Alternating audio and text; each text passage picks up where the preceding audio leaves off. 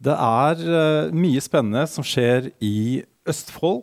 Uh, I høst ble det funnet Gjellestadskipet, som man ikke har gravd opp ennå, men som man har avdekket med georadar.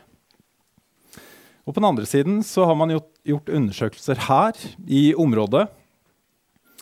Uh, og på bildet her så har valgt å ta med noen av de funnene som er eh, kommet fram i dagslyset nå eh, med metalldetektor og også georadar. Og det betyr at eh, dette området her i Eiker eh, fremstår som mer og mer spennende selv om man ikke har disse fantastiske skipsfunnene og Oseberg, som jo er den rikeste graven eh, fra vikingtid overhodet.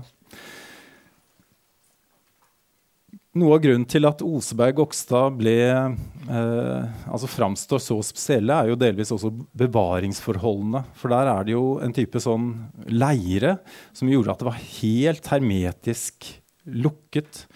Sånn at det ikke slapp til noe luft i det hele tatt. Uh, sånn at skipene framsto nesten som nye.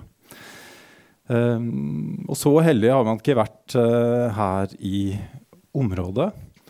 Men det er jo en del av de funnene som er gjort nå de siste årene, samt helt tilbake til begynnelsen av 1800-tallet, som gjør at man kan pusle det sammen og kanskje få et bilde av hvordan samfunnet fungerte her i Eiker. Hva var det spesielt med denne regionen? I hvilken grad kan man snakke om en sentralisering, en høvdingmakt i dette området?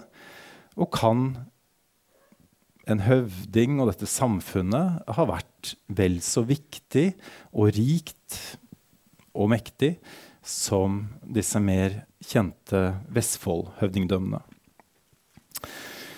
Jeg skal dele opp eh, forlaget i fire.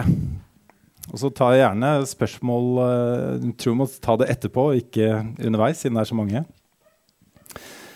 Det første er en slags innledning, en prolog, uh, til vikingtiden. Og så er det uh, en tredeling, en kronologisk tredeling av vikingtiden. Den tidlige vikingtiden, mellomfasen og den sene vikingtiden.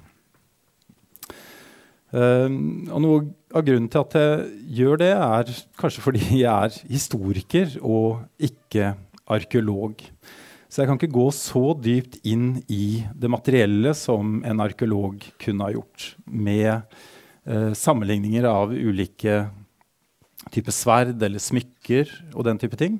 Så i stedet så blir det å forsøke å tolke eiker i vikingtiden inn i en kontekst, inn i en sammenheng eh, i forhold til Vestfold, hva som skjer ellers i Oslofjordområdet, på Vestlandet, i det som i dag er Norge, og Skandinavia og Europa. Og hva som skjer ute i den store verden, og hva slags konsekvenser det får for Eiker og de som levde her.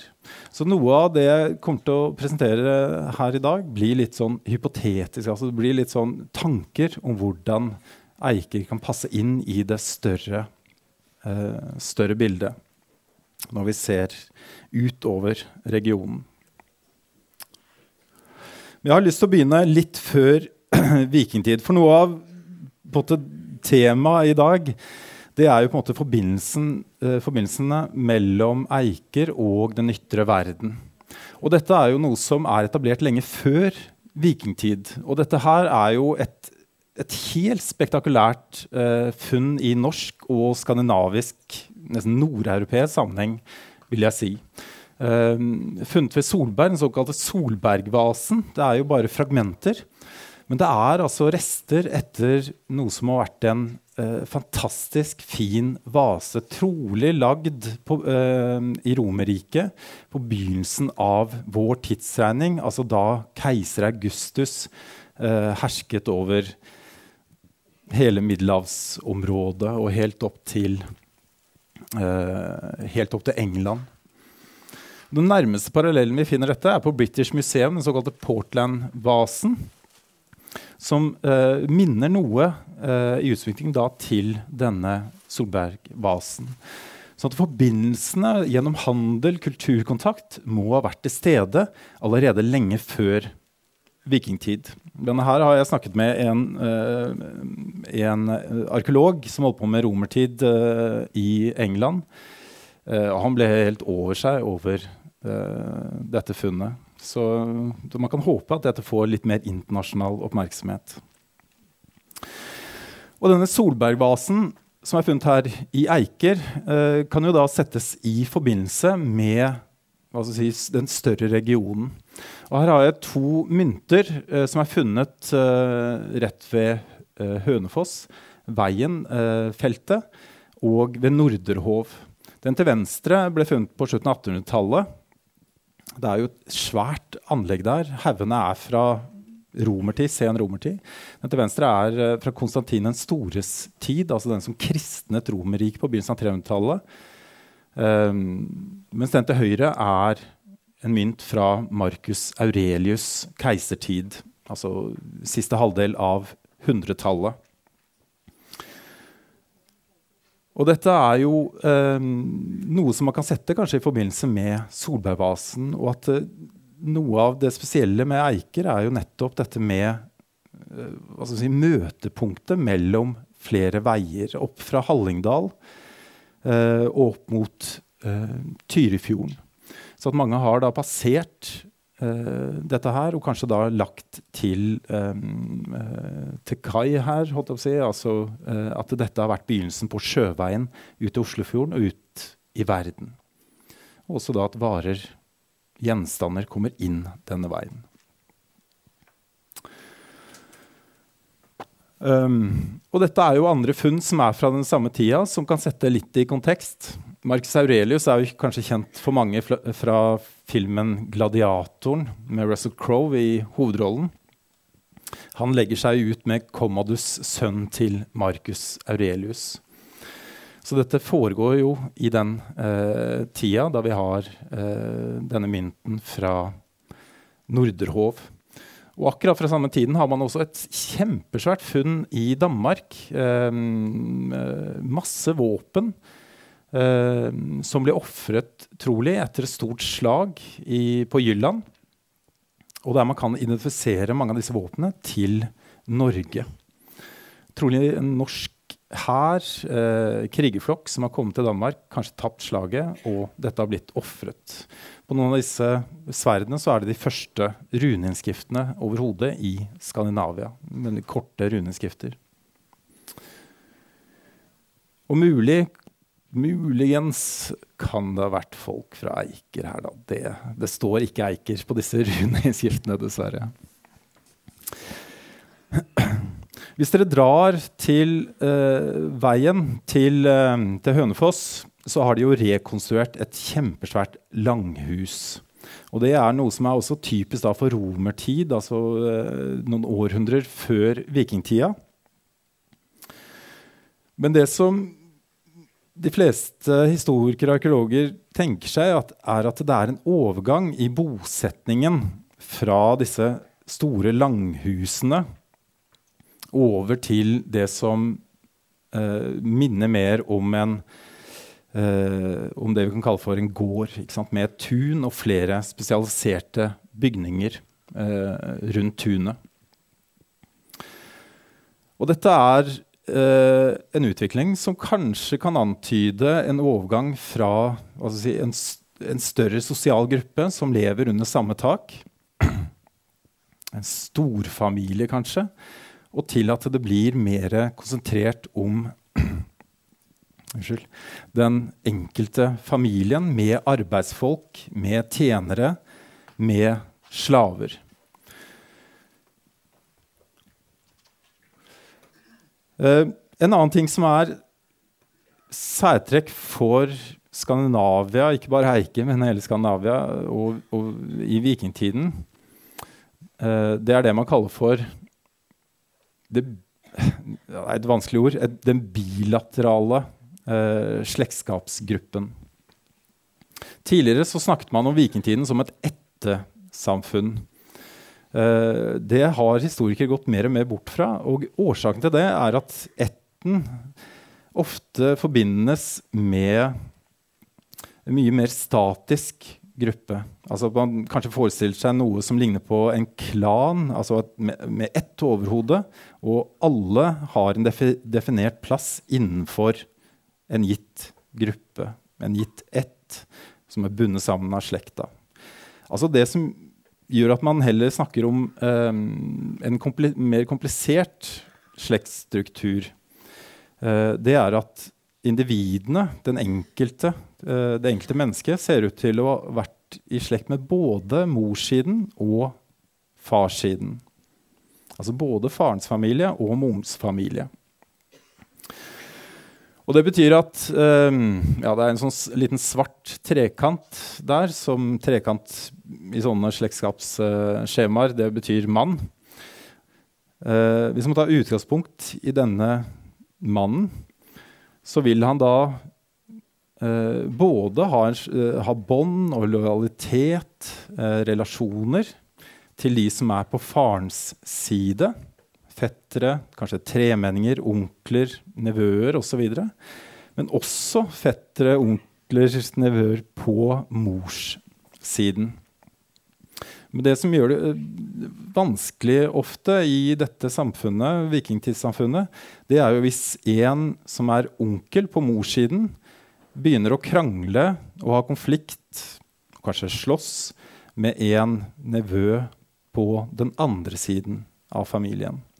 Da blir det veldig vanskelig for det enkeltmennesket, individet, uh, å vite hvem man skal alliere seg med, hvem man skal være lojal til. Og dette er jo et veldig sånn gjentagende tema for alle de som leser sagalitteraturen. Hvem er man mest i slekt med når en onkel på den ene siden og en onkel på den andre siden begynner å krangle? Og da kan det jo ofte lønne seg å holde med den som har kanskje største ressurser, um, har, uh, har mye rikdom. Altså man er litt mer i slekt med en rik tremenning enn en fattig fetter, kanskje. Og dette blir jo enda mer komplisert når kanskje søsteren din gifter seg inn i en annen familie. Hvordan skal du forholde deg til eh, svogerfamilien? Og en bror gifter seg med en tredje familie dette blir mer og mer komplisert. Så hele tiden må man eh, være strategisk i hvem eh, man er mest i slekt med, hvem man eh, er lojal til. Så derfor så snakker man i stedet for ettersamfunnet snakker man om nettverkssamfunnet. Altså relasjoner. Hvem er det man har kontakt med? Hvem er man lojal med? Hvem holder man med i en konflikt? Og konflikter det er det ikke mangel på i vikingtiden. Så da er det jo familien, det er disse slektskapsrelasjonene. Og i tillegg så er det jo da eh, at man inngår vennskapsbånd. Altså, som er kanskje mye mer formaliserte enn det vi tenker oss i dag. når vi forbinder, eh, enn det vi forbinder med vennskap i dag. Dette med at man gir en gave til en annen. Og tar man den gaven imot, så inngår man gjerne da et vennskapsbånd og da kan man kanskje ikke gi så like flott gave tilbake hvis man har fått et smykke, sverd eller lignende, men man kan gi sin støtte tilbake hvis den andre er, eh, kommer i konflikt. Og så inngår man en vennskapsbånd, og det skal man ikke bryte.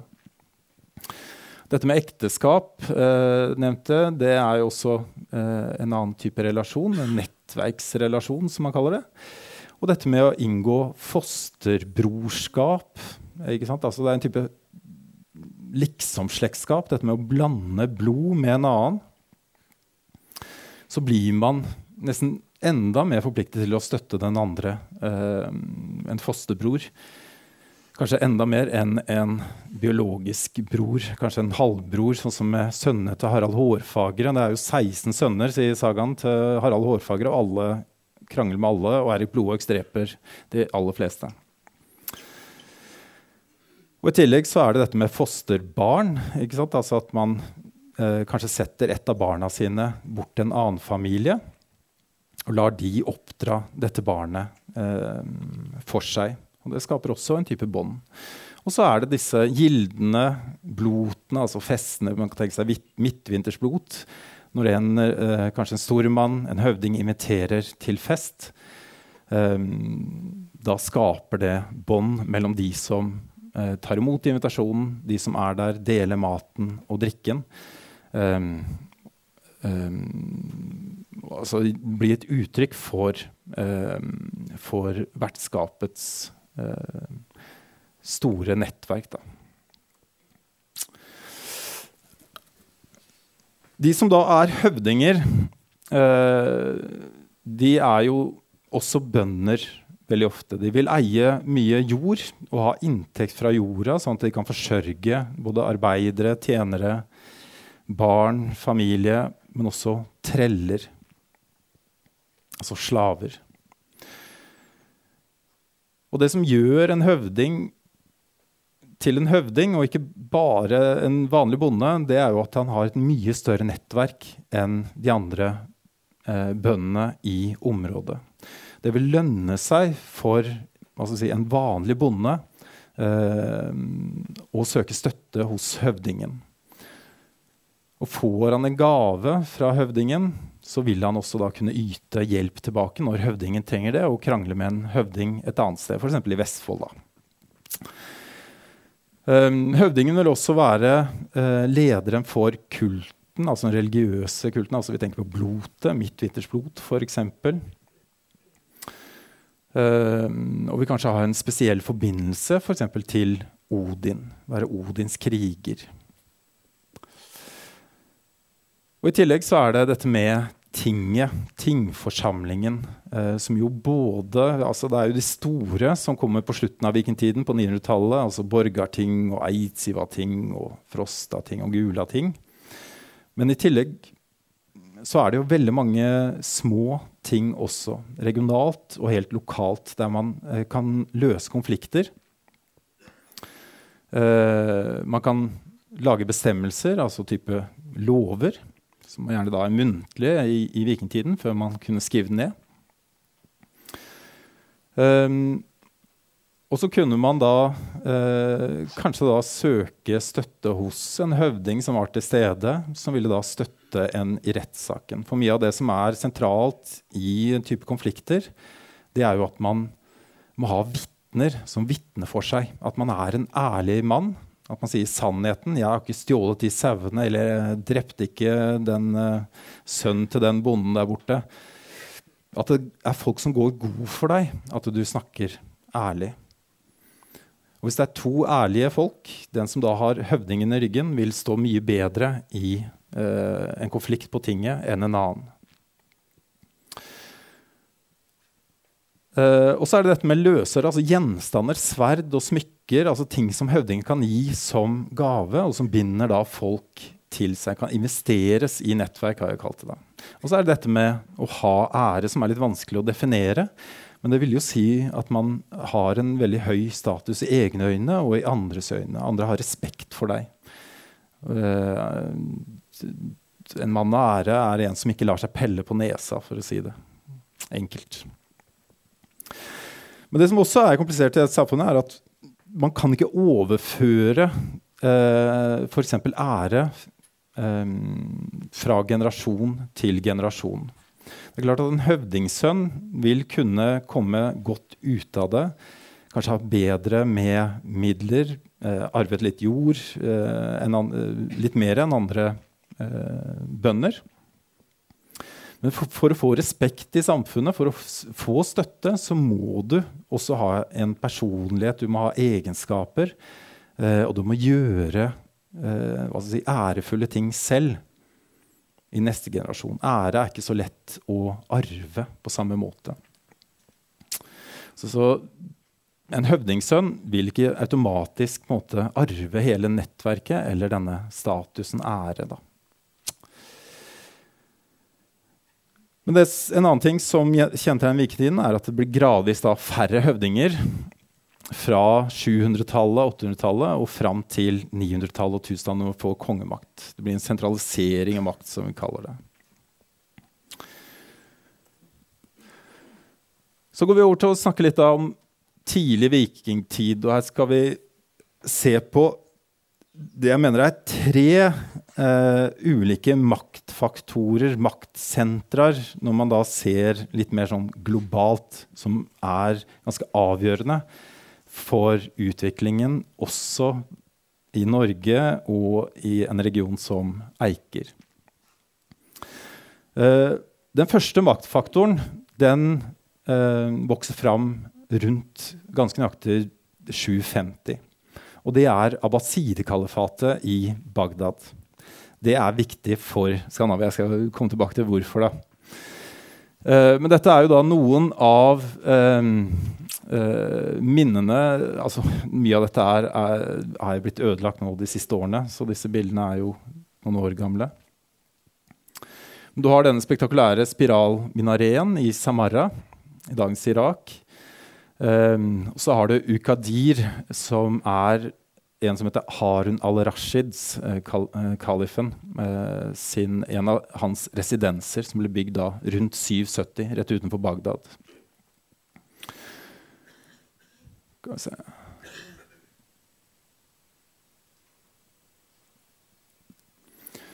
Raqqa kjenner jo mange til fra eh, nyhetene de siste årene, men det er også et av disse hovedsetene eh, til Harun al-Rasha, som bygges opp på slutten av 700-tallet.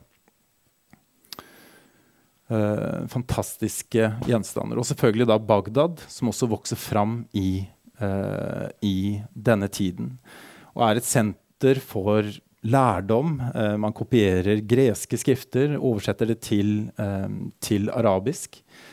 Eh, og har en vanvittig stor bokproduksjon da, i eh, den såkalte runde by i, i Bagdad. Og noen av sporene etter denne forbindelsen til Midtøsten, til Irak, til Bagdad, kal kalifatet der, det er jo kanskje en av de mest spektakulære her. Da. Det er jo Buddha-statuetten fra Birka, som tror jeg er lagd i Nordøst-India. Bengal, kanskje. Eh, rundt 600. Men som har havnet da i Birka et par hundre år senere. Og her er også andre svenske funn. Glass fra Mesopotamia, en persisk kopp. Eh, dere ser også nederst til høyre dirhemmer, eller kufiske mynter. Altså mynter med kufiske bokstaver, kufisk skrift, på seg. Um, og det er jo noe som strømmer inn i store mengder. Uh, dette sølvet i form av mynter fra Midtøsten til Skandinavia. Uh, ja. Og en annen ring fra Birka i østre Sverige fra 800-tallet. Der det er en innskrift på, uh, uh, på glasset som er blitt tolket da, som 'til Allah'. Men dette er jo noe man typisk finner både i Eiker, eh, på et sted som Kaupang, eh, og andre eh, viktige både handelsplasser og høvdingseter rundt omkring i hele Skandinavia. Nemlig eh, disse kufiske myntene. Man har ikke bilder eh, av en person på myntene i like stor grad som i Europa. Men veldig ofte så er det den eh, islamske trosbekjennelsen som står på, da. Pluss et navn eh, av en kalif, f.eks. Så det er store sølvgruver i Sentral-Asia som da fraktes til Bagdad, der det utmyntes og sendes videre. Her er glassperler fra Kaupang, som også da blir importert til Skandinavia eh, eh, i vikingtiden. Og flere av disse typer glassperler finner man jo opp langs Lågendal nord for Kongsberg og hele veien opp til Hallingdal. Og det er jo også et par eksempler fra Aukan, eh, Eiker. Så kontakten med, gjennom mange ledd selvfølgelig, uh, til Midtøsten, den er også her. Her er et vektlodd eh, til venstre som er funnet nå helt nylig på Gokstad. Der har man gjort også undersøkelser, ikke bare georada, men faktisk gravd. Rett ved Gokstadhaugen, for de som har vært der, der er et vektlodd med det som ser ut som kufisk skrift på toppen. Veldig viktig med vektlodd. De må være helt nøyaktig eh, eh, på vekta. Og man hadde ofte mønstre, da, sånn at man skulle være sikker på at ikke noen slipte av eh, noe av dette her og gjøre den lettere, f.eks. Dette er bare tullekufisk. Det er bare etterligning av kufisk skrift, altså eh, arabisk skrift. Um, man kan tenke seg at det er for å etterligne sant, det som er på myntene. Det er, har en autoritet ved seg. Uh, det er bra sølv. Det er bra verdi i det. Det er ting å stole på. Så at man har kanskje etterlignet det på, også på eh, vektlodd. Så Abbasidekalifatet er enormt viktig, for det sørger for en strøm av sølv til Skandinavia. Og tilbake så er det jo pelsvarer, eh, eh, og kanskje ikke minst slaver som blir eksportert til Midtøsten. Det andre eh, store maktsenteret som dukker fram rundt 750, samtidig med abbasidene, og det er jo liksom da man snakker om at vikingtiden begynner, det er jo Karolingerriket. Um, som jo dominerer hele det vestre Europa. Uh, og på det største her uh, så vokser det jo da helt Det er jo særlig Karen Store som, uh, som gjør at det ekspanderer. Altså rundt ja, slutten av 700-tallet og rundt 800. Ekspanderer helt opp til Ehm, til eh, Danmark, til Jylland. Så strekker det seg helt ned til Middelhavet. Et enormt stort rike. Um, og Karl den store er jo en som sier at han er jo en arvtaker etter de romerske keiserne. Lar seg krone i, og salve i Roma av paven. Og man snakker om karolingisk renessanse. Eh, man kopierer eh, masse verker fra antikken, bl.a. Til høyre her er en eh, samtidig statuett av Karl store til hest. Og han bygger opp et enormt palass og en kirke i Aachen. Og kirken står enda. Og den er jo da eh, typ altså, en rund form, en slags etterligning, tenker man seg, etter Den hellige grav i Jerusalem. Skaper et nytt Jerusalem, et nytt midtpunkt i verden, i Aachen, som i dag er i Tyskland, på grensen til Belgia.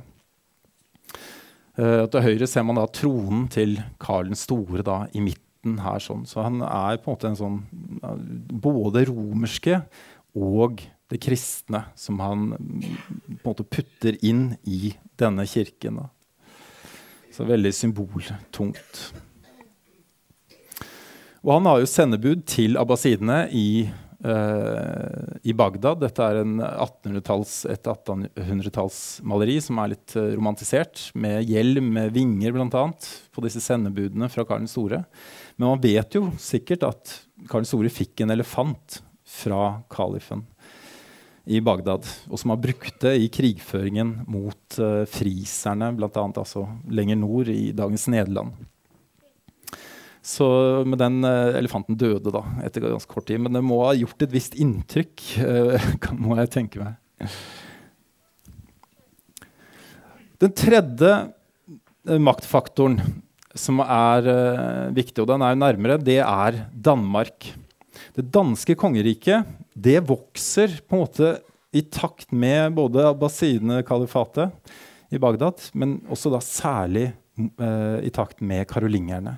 Det virker som om man samler seg rundt en konge, at en danskonge får støtte for å forsvare seg mot karolingerne. Det er på en måte en slags effekt av eh, karolingernes eh, utvidelse av makt i sør. Og På begynnelsen av 1800-tallet begynner man med diplomatiske forbindelser. Sender eh, sendebud til Aachen, f.eks. til Karl den store, eller sønnen Ludvig eh, den fromme.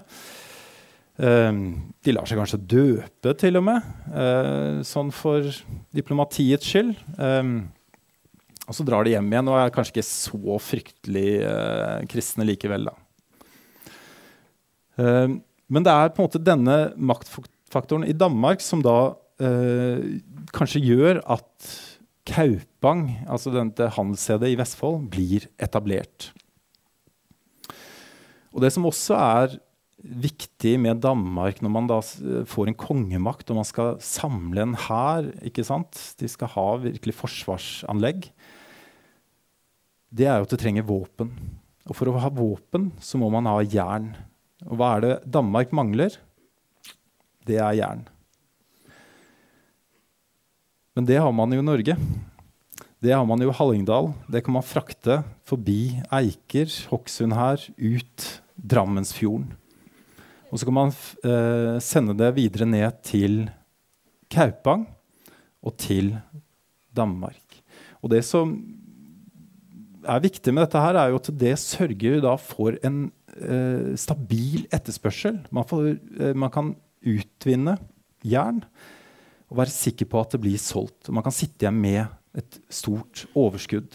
Og det kan ha vært veldig sentralt for en høvding her i dette området. Hvis han da kontrollerer denne handelen eh, fra eh, dalstrøka innafor, for å si det sånn. Da kan han eh, kanskje ta type toll av varene. Kanskje få førsteretten til å eh, handle jern, laste om på sine egne skip eh, og frakte ned til Kaupang og så videre til Danmark f.eks. Her ser vi noen eh, trekk da av dansk kongemakt sentralisering. Altså veldig ambisiøst eh, kongemakt i, eh, i, Danmark som vokser fram på 700-tallet. Dette er Samsø kanal, som er datert til 726. Den går tvers over hele øya. Muligens for å lette trafikken, handelstrafikken, men kanskje også for militært øyemed, så man kan flykte begge veier. Det er treverket da som støttet opp eh, kanalen, sørget for at den var eh, for at vannet var fritt og at ikke jorda raste ut i det. Det er treverket der som er datert da, til 726. Så det er ganske tidlig. Og danevirket, selvfølgelig, som ennå i dag synes, som går jo da på tvers av Jylland. Um, der man også kan datere de eldste delene til syv, slutten av 730-tallet.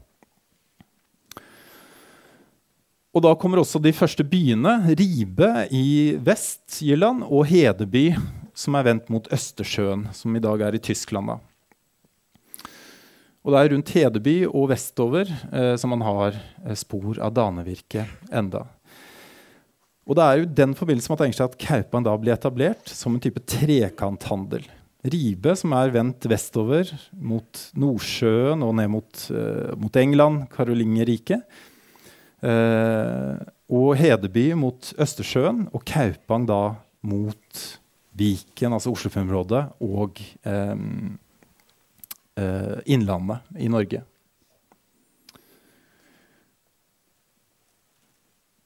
Her er jo da Kaupang, en rekonstruksjon av Kaupang, og med et uh, funn fra Irland uh, øverst til høyre. Kufisk mynt nederst til venstre. Glassperlekjede da i midten nede.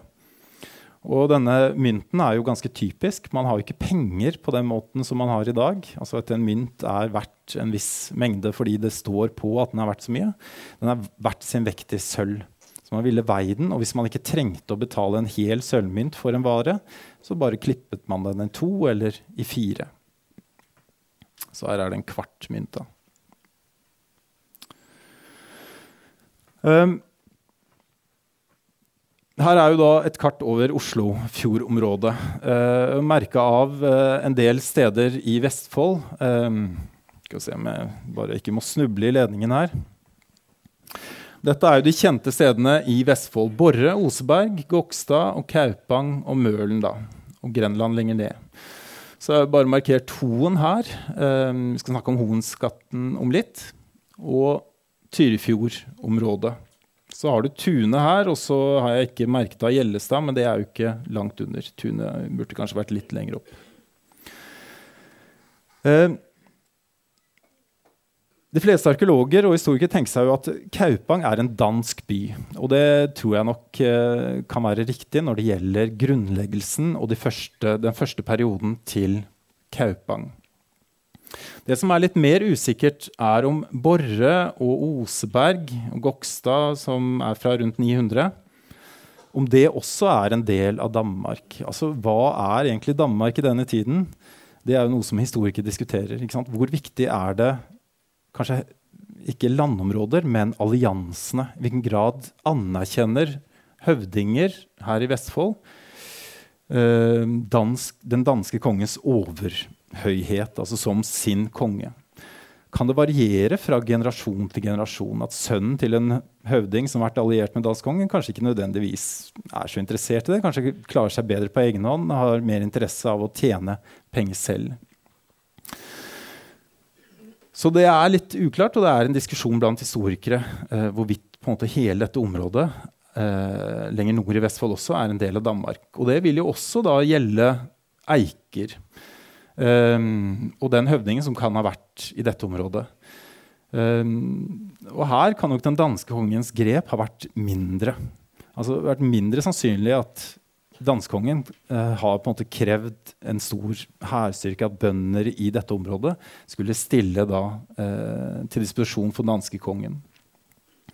Så det kan ha gjort at høvdingen her kan ha hatt en litt friere rolle kanskje, enn høvdingene i Vestfold, som kanskje hadde et mer trykk fra danskongen eh, på seg. Hvis da danskongen hadde interesse av det. Vi vet at i 813 så skal danskongen ha slått ned et opprør i eh, i Vestfold. Det står i frankiske analer. Så må vi jo vinkle oss litt inn til Eikela. Dette er jo et av de eh, spennende resultatene som har kommet nå de siste årene. Dette er jo fra Georadar-undersøkelsen. Um, der man da finner da konturene av noe som kan minne om eh, bolighus. Man må huske at Graver er jo veldig vanlig å finne. Finner, det er ofte det man finner eh, når man graver.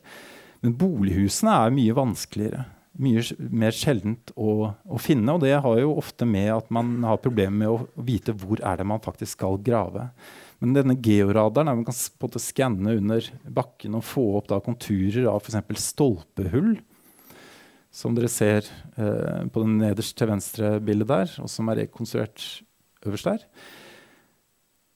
så er det lettere. Der kan man grave. Der vil det lønne seg eh, å gjøre en arkeologisk undersøkelse hvis man får penger da, og tid osv. Det ville vært utrolig spennende hvis man faktisk gjorde det nesten si like spennende som Gjellestadskipet i eh, Østfold.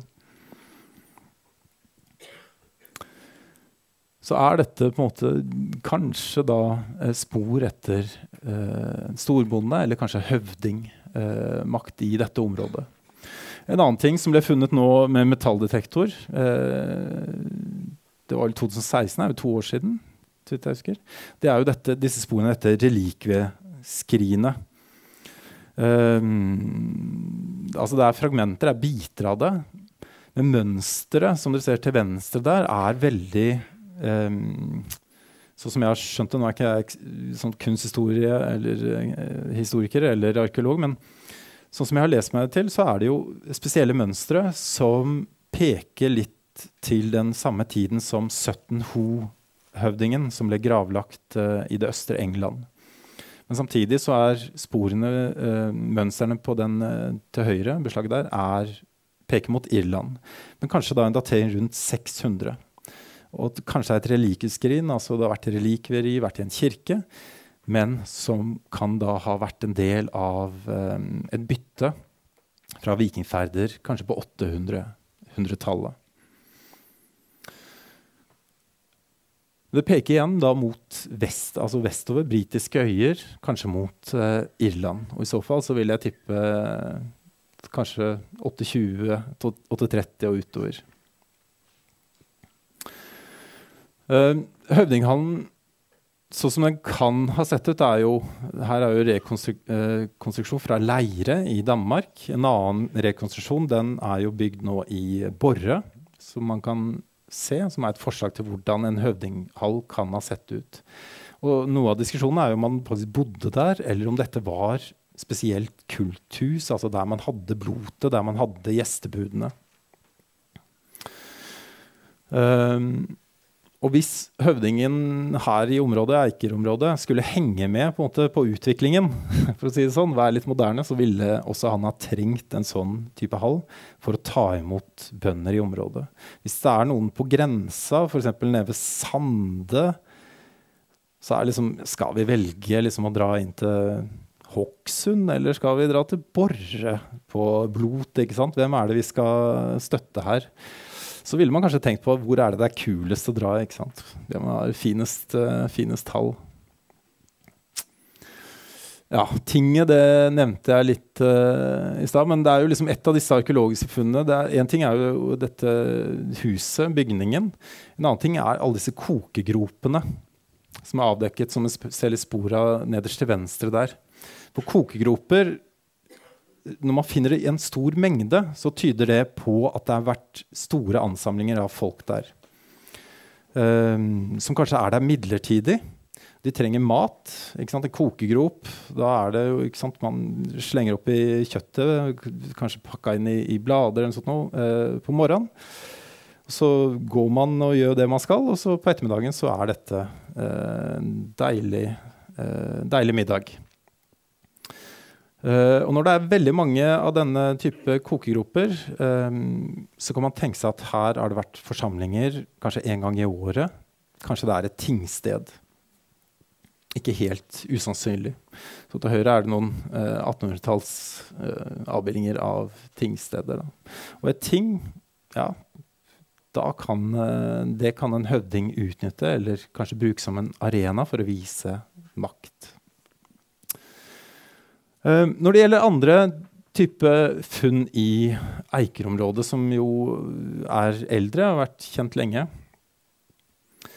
eh, så er det jo et av de påfallende trekkene ved Eiker, da, hvis man sammenligner med Vestfold, så er at veldig mange av de er våpengraver. Altså det er funn av våpen der. Uh, det er rundt 50% altså rundt halvparten av alle eh, gravene i Eiker-området, har våpen i seg. I Vestfold så er det 10, uh, eh, kanskje 15% av gravene som har våpen. Noe av det kan skyldes kanskje at i Vestfold har man Kaupang, og at i Kaupang er det litt mindre uh, våpenfunn. da. Um, men dette her er jo type sånn krigerutstyr. Kanskje ikke en høvding, men kanskje en av de som er alliert med høvdingen, er krigerbonde. Altså kriger kanskje uh, er forventet å skulle kunne krige, altså kunne krigerkunsten. Um, og kunne stille til kamp når, når, høvdingen trengte det, eller når det var konflikt. Og kanskje var uh, bonde ellers så er det en brynestein her. Jeg vet ikke helt hvor den kom fra, men ikke usannsynlig at den kan ha kommet fra Eidsborg eksempel, i Telemark, som eksporterte store mengder brynestein. Det er noe alle krigere må ha. Kjempebra eksportvare. Uh, Fossesholm er det også funnet en krigergrav. Her er også rester etter uh, rytterutstyr uh, øverst i midten. Det er ikke alle de tre som er fra Fossesholm, men det er vel den til høyre, så vidt jeg husker. Eh, de to andre er fra Skedsmo og et annet sted på Østlandet. det var det bildet jeg fant. Eh, men ville da være helt sånn, sånn som jeg, jeg er ikke noe ekspert på hesteutstyr heller, men i munnbittet, da. Eh, så dette kan ha vært en, en, en, det har vært viktig for å ha hatt en hest. Det er ikke så ofte at hest brukes i, i strid, men å ha hest kan ha vært viktig. Og så I midten så er det en del av fiske, altså det er et fiskespyd der det tolkes som, med en krok. sånn at eh, det er en del av fiskeutstyret også. Og en av de virkelig spennende gravene er jo en smedgrav uh, fra Nordre Besseberg. eh, der man ikke bare har denne smedtanga her sånn, Eh, men også en tang til og flere andre deler av smedutstyr. Helt tydelig en smed som ville vært veldig nyttig for eh, en høvding, og også de som er krigerbønder, eh, når de trenger både rytterutstyr og våpen. Så er det helt essensielt i et, i et samfunn å ha en god smed. Og her er det da graven til en av de. Eh, det er også i hvert fall én eh, viktig kvinne som er gravlagt i området her, på Lerberg i Haug. Der man både har disse spennene som er vanlige på kvinnedrakten, som er veldig fine. Og så ikke bare noe som er lokalprodusert, men også den nederst eh, til høyre, som er en keltisk eh, forgylt spenne eh, som må ha kommet fra det britiske øyer. Så også et tegn på kontakten eh, Ikke bare mot kontinentet, men også vestover, over havet. Så dette er jo ikke alle de jeg har dateringer på, men de sier noe om samfunnet som vokser fram da i tidlig vikingtiden. Men for å si litt da om Hoenskatten, for det er, det er jo et av de virkelig spektakulære funnene fra dette området, så er jo den datert til 78-tallet, kanskje 88-tallet. Og det er på en måte en annen fase av vikingtiden. Uh, vi snakket om tre sånne stormakter, sånn virkelige maktfaktorer ute i Europa og verden. Abbasidekalifatet fortsetter på slutten av 800-tallet, og denne sølvstrømmen langs de russiske elvene fortsetter. Men både Frankerriket, altså Karolingerriket, det svekkes. Og den danske kongemakten svekkes. Uh, fra 850 utover så er det et stort spørsmål i hvilken grad det er en dansk kongemakt som har kontroll over Oslofjordområdet og Drammensfjordområdet. Uh, og det mener jeg i hvert fall at det er litt sentralt for å tolke liksom, konteksten til, uh, til denne spektakulære skatten. Den står seg da som kanskje den største gullskatten i, fra vikingtida. Uh, vikingtida er liksom sølvalderen. Det er sølvfunn som er viktig. Mens her er det jo over Ja, mye er det til sammen? Det er Tre kilo To og en halv kilo gull? Noe sånt noe. Uh, bare sjekka vekten på den største hal uh, halsringen er 1,1 kilo. Så er det to armringer da, på 0,4 og 0,3 kilo hver. Det er jo uh, virkelig fantastisk. 132 glassperler. 20 mynter, ja. 54 gjenstander da, av gull eller forgylt sølv.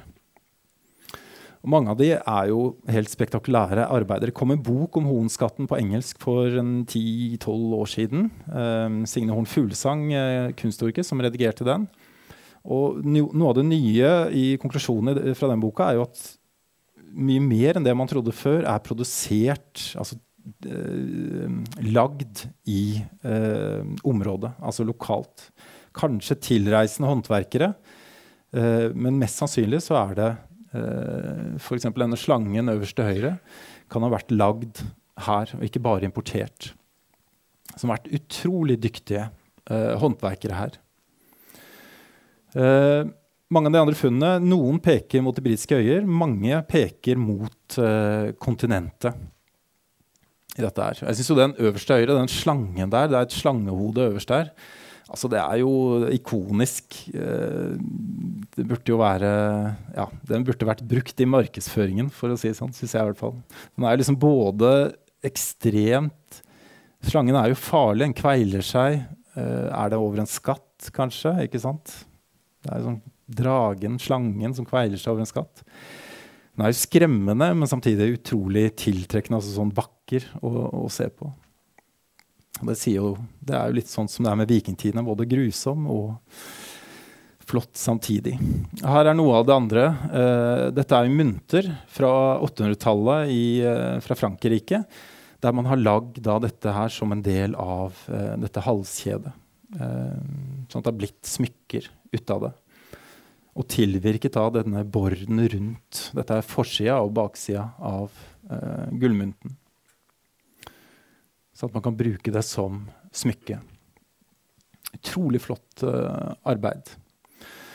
Og denne måte, koblingen da mellom måte, det, verden utenfor det har jo litt likhetstrekk med Osebergskatten. Her er jo da irske, keltiske funn fra, fra Oseberg. Osebergbøtta med denne, dette beslaget, eh, som har typiske irske trekk. Da, eh, disse mønstrene. Oseberg er fra 834. Det kan man datere eh, gjennom treverket.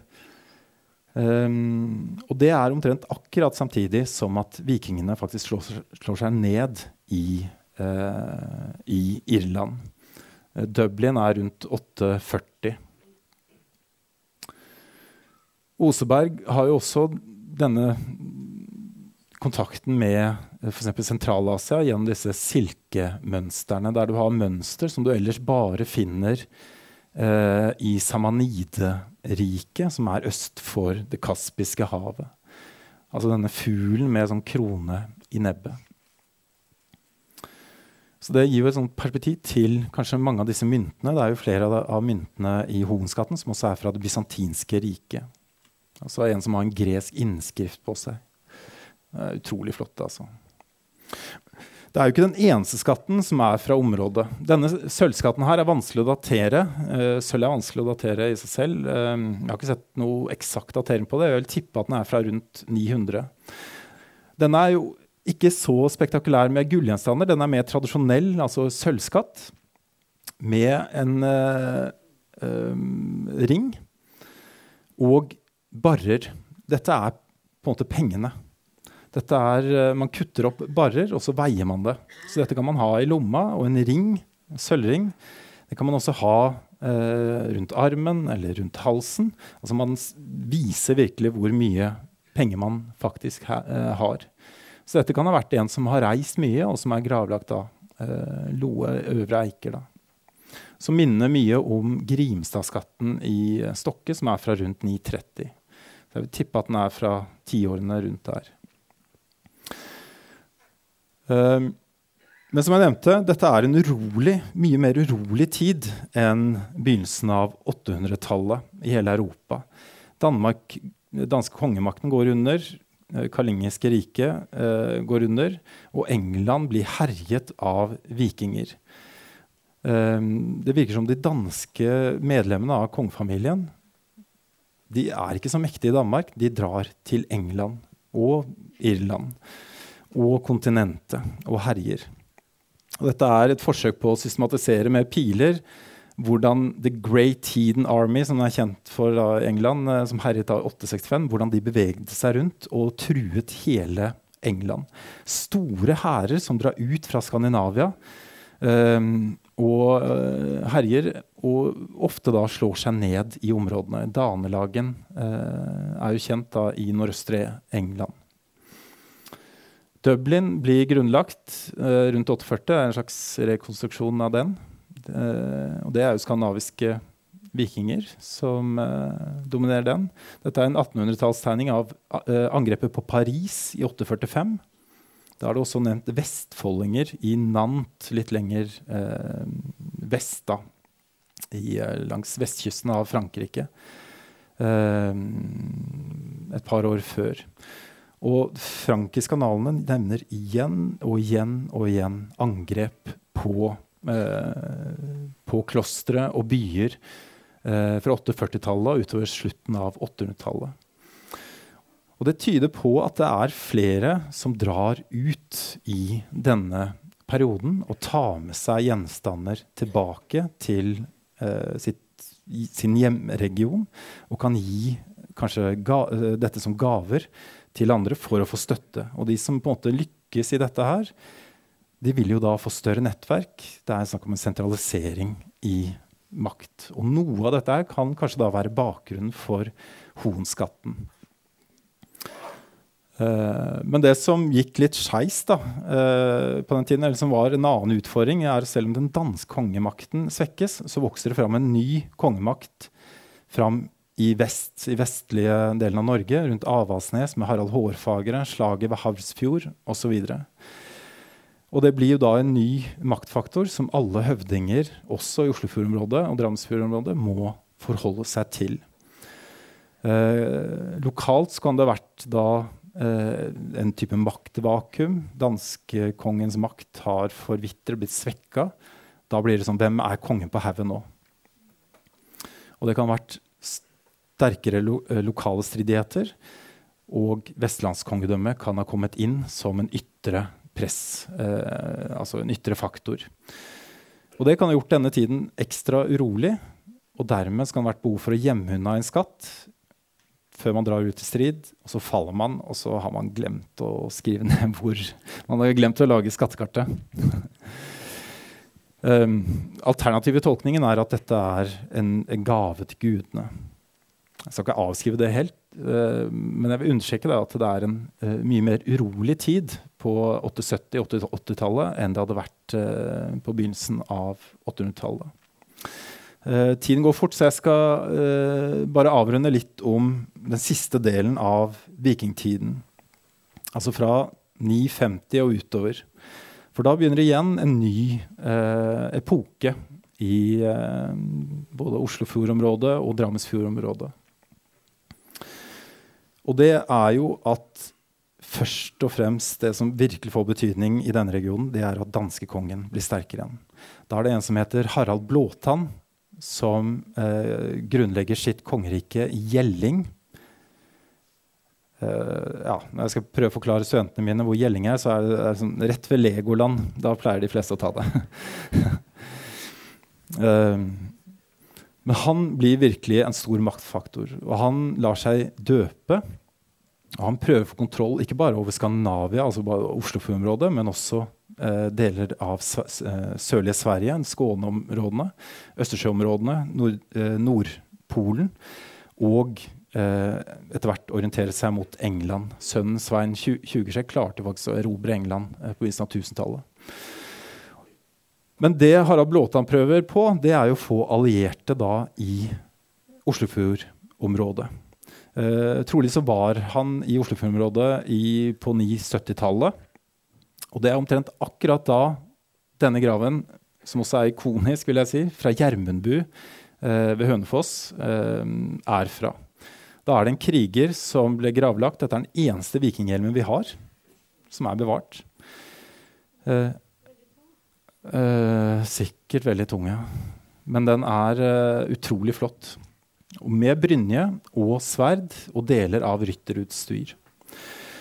Og dette er en som har blitt gravlagt, som har måttet forholde seg til den nye maktfaktoren, til Harald Blåtann. Uh, og måten han, Harald Blåtann skaper allierte på, det virker som å være å gi jord til de allierte. Og et tegn på det er stedsnavn som heter Huseby. Og Huseby har man så vidt jeg vet ikke i Eiker, men det har man ved den bensinstasjonen uh, borte ved 18. Det er Lier. Ja. Og du har et par steder i Vestfold um, og, eh, og, andre steder også på Østlandet. Og du har en del i Danmark. Husebygårder virker som det er uh, allierte til Harald Blåtann. Og at de kunne regne kanskje med støtte av Harald Bråtan eh, hvis de kom i konflikt med lokale høvdinger. Og hvis Eiker-høvdingen da ikke er på parti med Harald Bråtan, er litt på siden av dette nye maktnettverket, så kan han bli skjøvet litt ut på sidelinjen. Eh, sånn er en rekonstruksjon av Gjelling. Eh, to svære hauger, høvdinghall i midten. Og så er det en enorm skipssetting som er 300 meter lang. Eh, altså skipssetning, dvs. Si steiner som er satt opp sånn at det former et skip. Du har flere i Vestfold, vet jeg. Elgesem, eh, Istrehågan, som er kanskje 20 meter lange. Men her er 300 meter lang. Altså det er bare sånn ja, enormt, altså. Og så bygger han disse trelleborgene, som da ikke er gjelling, men i ytterkantene av rike, med ganske sånn jevnt mellomrom, ganske systematisk eh, avstand mellom disse ulike trelleborgene. Som kan ha vært forsvarsanlegg. Eh, det er mye mer systematisk type bygging av kongemakt. Og han blir døpt, han er kristen, og det betyr at han forventer at de som er alliert med han, de som bor på Husebygårder f.eks., bygger, eh, bygger kirker. De behøver ikke ha vært så store. Det kan ha vært et alter inni, kanskje presten fått plass inn der. Så ville kanskje messen da vært på utsiden. Uh, under friluft. Uh, og det er også fra denne tiden man har dette langeidsverdet, som kanskje mange har hørt om. Det var i nyhetene nå for et par år siden, når det ble funnet helt øverst i Setesdalen. Um, det er ikke fra Eiker, men det er veldig spennende likevel og sier noe om brytningsfasen i denne perioden. Dere ser øverst på Hjalte der er det en hånd som stikker ned med et kors. Dette er Guds hånd som stikker ned til verden og har et kors i hånden. Så det er veldig tydelig kristen symbolikk. Og du finner den samme symbolikken i den engelske kongens mynter. Det er trolig røvet eller tatt som krigsbytte i England. Kanskje i lag med Olav Tryggvason, Olav Haraldsson, kristningskongene. vært en av deres menn, kommet tilbake, men da blitt gravlagt som en hedning, altså på tradisjonelt vis, med øks og dette fantastiske sverdet. Og hvis det er en av Olav Haraldsson, altså den som ble Olav den helliges menn, så er det jo ekstra spennende. Men dette er også en urolig tid. Her ser vi et skattefunn fra Rollag. Eh, som er litt annerledes enn Hoen, eh, Hoenskatten. Men dette er når Olav Haraldsson dette er fra begynnelsen av 1000-tallet, når Olav Haraldsson strider mot Knut den store, han som vinner England, kontrollerer Danmark, og for en tid også eh, Norge. Under denne striden så er det flere skattefunn eh, i Norge.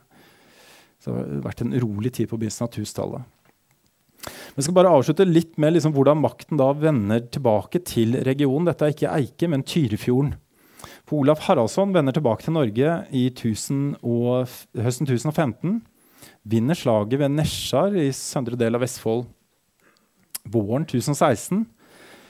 Og det han gjør da, er å dra opp Muligens, ja, det vet lokalkjente bedre, hvor man helst drar opp til Tyrfjorden. Om det er eh, fra Lier opp til Sylling eller om det er herfra og opp uh, uh, ja, til sørvestre delen av Tyrfjorden. Tyrfjorden. Men det virker som han etablerer et kongssete på altså nord for Tyrifjorden. Jeg tipper Stein gård. Noen mener da Bøn, heter Bønes? Bønsnes? Bøsnes? Ja, ved Tyrifjorden. jeg tipper på Stein, da. Stein gård. Der har man funnet mynter med bl.a. sånt uh, som Olav Haraldsson lagde, med en type fuglesymbolikk. Altså der du har kongens portrett på den ene siden og fuglen på den andre. Helt øverst så er det et eksempel på en engelsk tilsvarende mynt, men da med Guds lam, altså Kristus, på den ene siden og fuglen på den andre. Så kan tolkes da som både krigsfugl og Den hellige ånd. Og det samme ser du til venstre på uh, tysk kunst. Uh, nederst til venstre på uh, engelsk, uh, i engelske manuskripter. Og øverst, eller til høyre der, på Alstadsteinen, som ble laget Tyre, ved Tyrifjorden på begynnelsen av 1000-tallet. Trolig under Olav Haraldssons tid, der de ser helt øverst da, denne fuglen som er et symbol både på Kristus, men kanskje også som en stridsfugl, men som også ble brukt av keiserne på kontinentet som en type symbol på keiserverdighet. Det er imperialt symbol. Det er eh, arvtakerne etter Romerriket. Min hypotese er at Olav Haraldsson kommer tilbake til Norge etter å ha vært herja i England. Eh, drar forbi her, opp til Tyrifjorden, og prøver å etablere et type imperium vel, bruke den samme eh, symbolikken som man gjorde både i England og i Tyskland på denne tiden. Og da sier jeg takk for meg. takk for tålmodigheten.